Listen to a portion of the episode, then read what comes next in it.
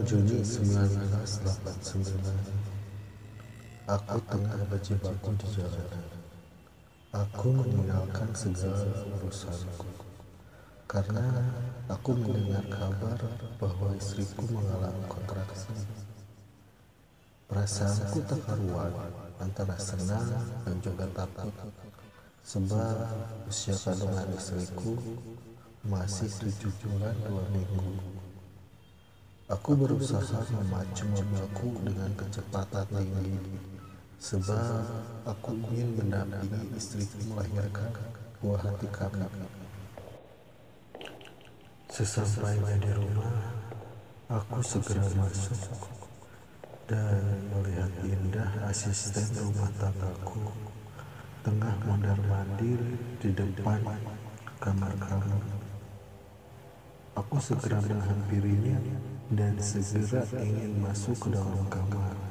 Tapi dengan sigap indah mengarahku masuk, aku tetap kekeh berusaha untuk masuk. Sementara Indah dan sekeras mengarahku masuk hingga Indah mengatakan ini pesan dari Mbah Gila ya, siapa yang suruh memanggil Mbah Aku segera menerobos masuk dan kulihat sebuah pemandangan yang mengerikan di mana istriku terpucuk kaku dan bayi laki-laki menangis di sampingnya. Tapi kenapa cuma satu bayi? Harusnya istriku melahirkan bayi kembar. Aku menangis dan meraung-raung berteriak mencoba membangunkan Dina istriku. Melihat istriku mungkin bangun kembali, aku segera mencari di mana bahan si dukun beranak itu. Indah pun berusaha membantu mencari petunjuk rumah. Bahkan dia menemui Pak RT Mbah Ni adalah sosok dukun beranak yang mempunyai ilmu hitam. Dia biasanya mengambil bayi-bayi yang terlahir prematur untuk dijadikan tumbal. Sebelas tahun yang lalu, dia diusir warga, tapi belakangan dia datang kembali. Semua berpendapat istriku melahirkan bayi kembang dampit di mana bayi yang dilahirkan berbeda jenis kelamin dan bayi mengambil bayi perempuanku. Hampir seminggu kami mencari bayi, tapi bayi hilang seolah ditelan bumi. Dan aku masih yakin anak perempuanku masih hidup. Aku berikan nama Angga Pangestubimu dan Anggi Karina Bimo untuk anak perempuanku yang hilang. Dan aku tetap tidak mau mengadakan upacara penguburan untuk anakku yang hilang karena aku masih yakin dia masih hidup. Tepat tujuh hari setelah istriku meninggal, Anakku Angga mendadak rewel. Dia tak henti menangis. Aku hanya bisa menggendongnya dan berusaha menenangkannya. Jam sudah menunjukkan angka dua. Aku mulai lelah, tapi Angga masih terus menangis. Hingga Indah datang menawarkan untuk menggantikanku menjaga Angga. Karena aku mulai capek, aku pun menitipkan Angga pada Indah. Karena capek, aku pun segera terlelap. Dan dalam tidurku, aku bermimpi. Bermimpi bertemu dengan Karina istriku. Dia menangis, menanyakan anak kami di mana. Tiba-tiba dia berteriak ke arahku. Aku segera terbangun dan mendengar teriakan indah. Dan aku lihat Indah pingsan dengan bantuan Suryo. Aku segera memindahkan Indah ke sofa dan Dini istrinya Suryo segera membawa minyak kayu putih. 30 menit kemudian Indah mulai sadar. Dia terlihat seperti menggigil ketakutan. Kami menanyakan apa yang terjadi, tapi dia seperti meracau tak karuan. Dan kami pun sepakat untuk membiarkan Indah beristirahat. Besoknya, Indah tiba-tiba minta pulang kampung. Kami mencoba bertanya apa yang menjadi masalahnya. Setelah kami desa, dia menceritakan melihat istriku dan menanyakan hal serupa seperti dalam mimpiku semalam. Hanya saja menurut pengakuan Dinda, istriku terlihat begitu menakutkan. Dia berteriak sampai rahangnya menyentuh dadanya. Kami memaksa Indah untuk tetap di sini. Dengan susah payah, Indah akhirnya luluh. Ada hal aneh terjadi ketika 40 hari meninggalnya istri. Semua keluarga berkumpul di rumahku malam itu. Hari itu hujan turun dengan deras. Angin juga begitu besar dan Petir menyambar pohon mangga di depan rumah kami hingga runtuh.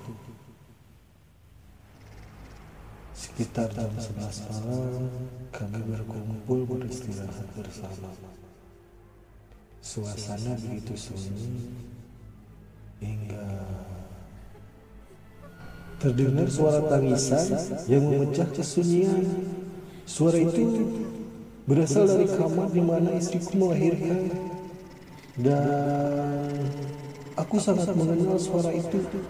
Itu suara istriku. Meski pada saat aku takut aku mencoba berjalan mendekati kamar.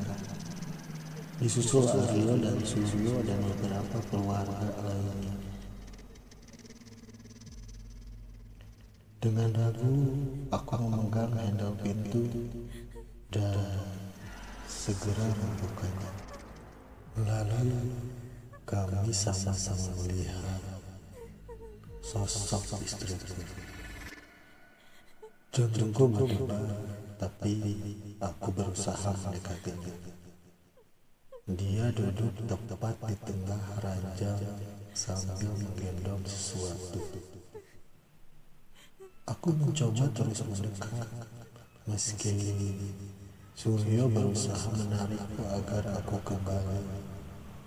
Tiba-tiba, Indah berbalik.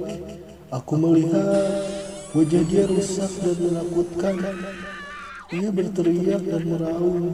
Tanpa pikir panjang, kami semua pergi meninggalkan rumah. Sejak kejadian itu, aku meninggalkan rumah itu.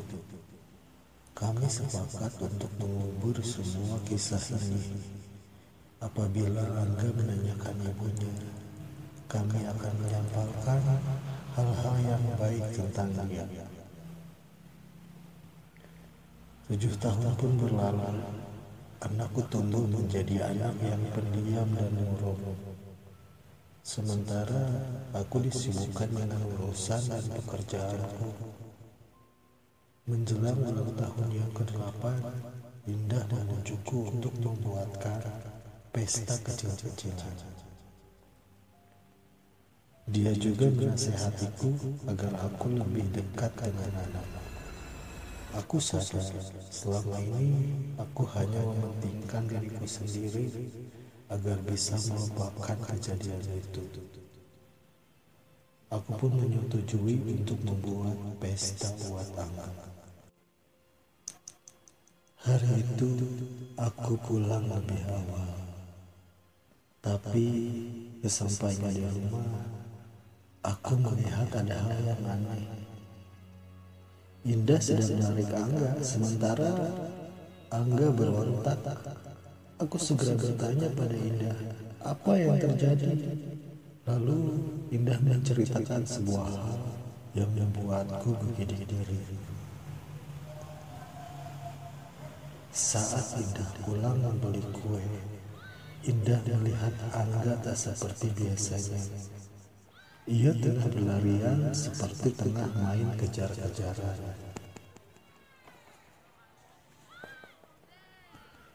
Ekspresinya terlihat bahagia, tapi begitu Indah masuk, ekspresi Angga langsung berubah. Dia langsung mematung dan wajahnya kembali datar. Indah mengajak Angga mandi, lalu Angga menanyakan apakah adiknya bisa ikut. Indah menjelaskan bahwa Angga adalah anak tunggal, tapi Angga berteriak bahwa semua itu bohong. Diiringi dengan suara jendela yang tiba-tiba dengan kencang dan Indah juga melihat sosok anak perempuan yang berwajah mirip dengan Angga. Aku pun mencoba menenangkan Indah dan memberi pengertian pada Angga. Tapi Angga kembali berteriak dengan mengatakan, Aku jahat, tidak sayang padanya dan tidak sayang pada adiknya. Dan dia juga mengatakan, aku cuma peduli terhadap pekerjaan dan dia berlari ke dalam kamar. Beberapa saat kemudian, aku menyusul dan berjanji untuk memberikan lebih banyak waktu untuknya. Pukul 18 adalah acara pesta ulang tahunan. Dia terlihat sangat bahagia. Aku terharu melihatnya. Anakku sudah besar pikirku. Dan pesta itu berjalan normal. Tapi setelah pesta itu selesai, lampu di rumah tiba-tiba mati. Aku melihat hanya rumahku yang mengalami mati lampu. Aku pikir ada aliran listrik yang konslet.